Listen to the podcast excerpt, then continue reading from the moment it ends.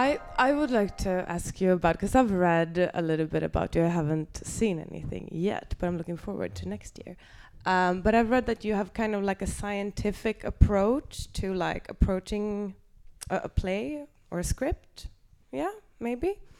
Uh, and if, if you agree, or like maybe you can tell us a little bit about how you approach the material and like how you involve the actors in the process of like digging deep and like really getting to the situations.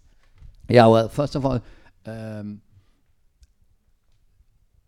the one and only to do this is Shakespeare.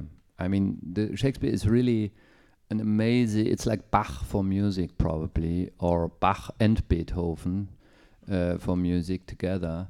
It's such a um, miracle that this uh, this guy, or we don't know, maybe it was a woman or it was a collective of writers. It's not important, but these texts, um, they have such a, a, a, a depth of um, challenges and difficulties to read this. You know, so um, when I talk a little bit about my methodology, I would call it, not so much a scientific approach. Um, I mostly adapted to Shakespeare plays. You could also adapt it to an Ibsen play, but it's not so difficult to understand what he's talking about, you know.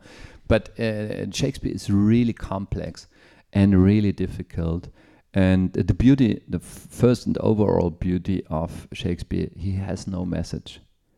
Yes, no, no message. message. No, there's no message. There's just the the abyss of human existence. And in each and every play, he looks into this black hole and he is frightened and he's scared and he's like uh, vertigo and afraid of falling into this, what it means um, human existence.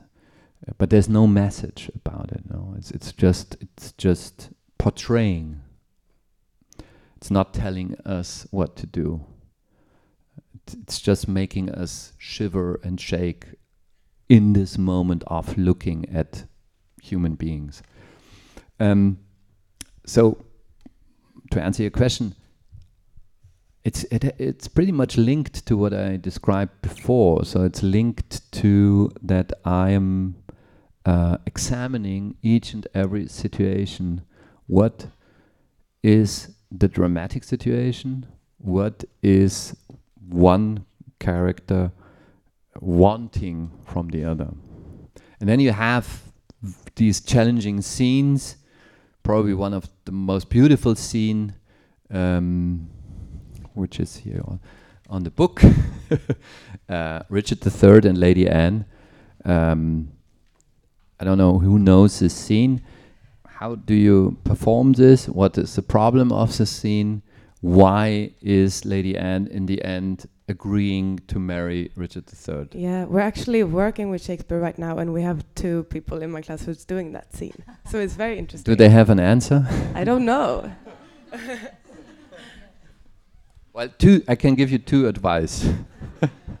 First of all, it's a public scene.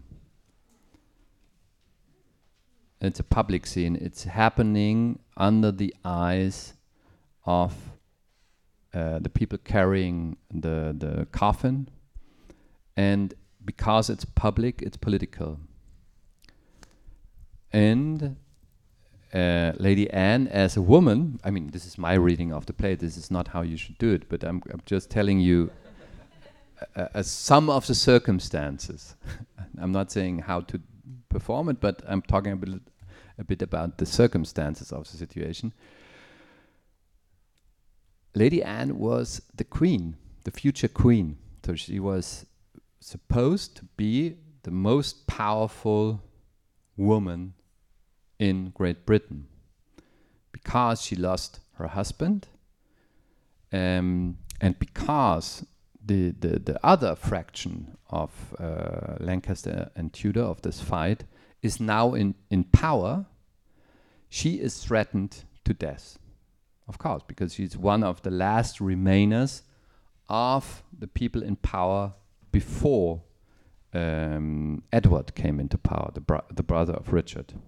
So there might be an answer to the question why is she doing it, which could be because she wants to survive. And when she marries Richard, she will survive. Interesting. Can I ask a follow up Uh, on this one? yeah. Because, um, as you said, um, some of these students are, are doing Shakespeare at the moment and even uh, doing the, the verse. And as far as I understand, you are um, never uh, doing the original script. You are uh, engaging dramaturgs or, or, or dramatists in um, interpreting what Shakespeare or Ibsen was wanting to tell.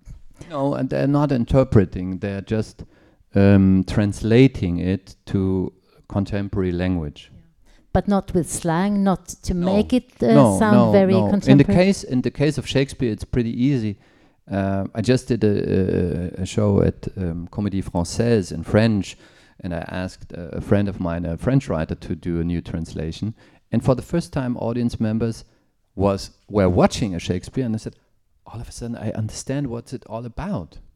So the problem with these old translations is that they are, of course, um, of their time, and they are not the original. They are the tra- uh, translation uh, in the time when it was made, and so they are kind of a proof of the spirit of the time.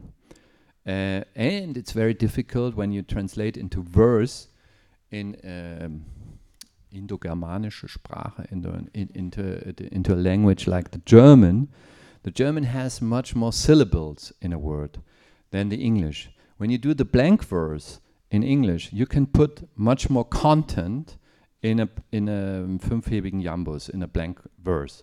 Uh, you cannot do the same content uh, with the same amount of syllables in German. So you always, when you respect the blank verse, you lose content.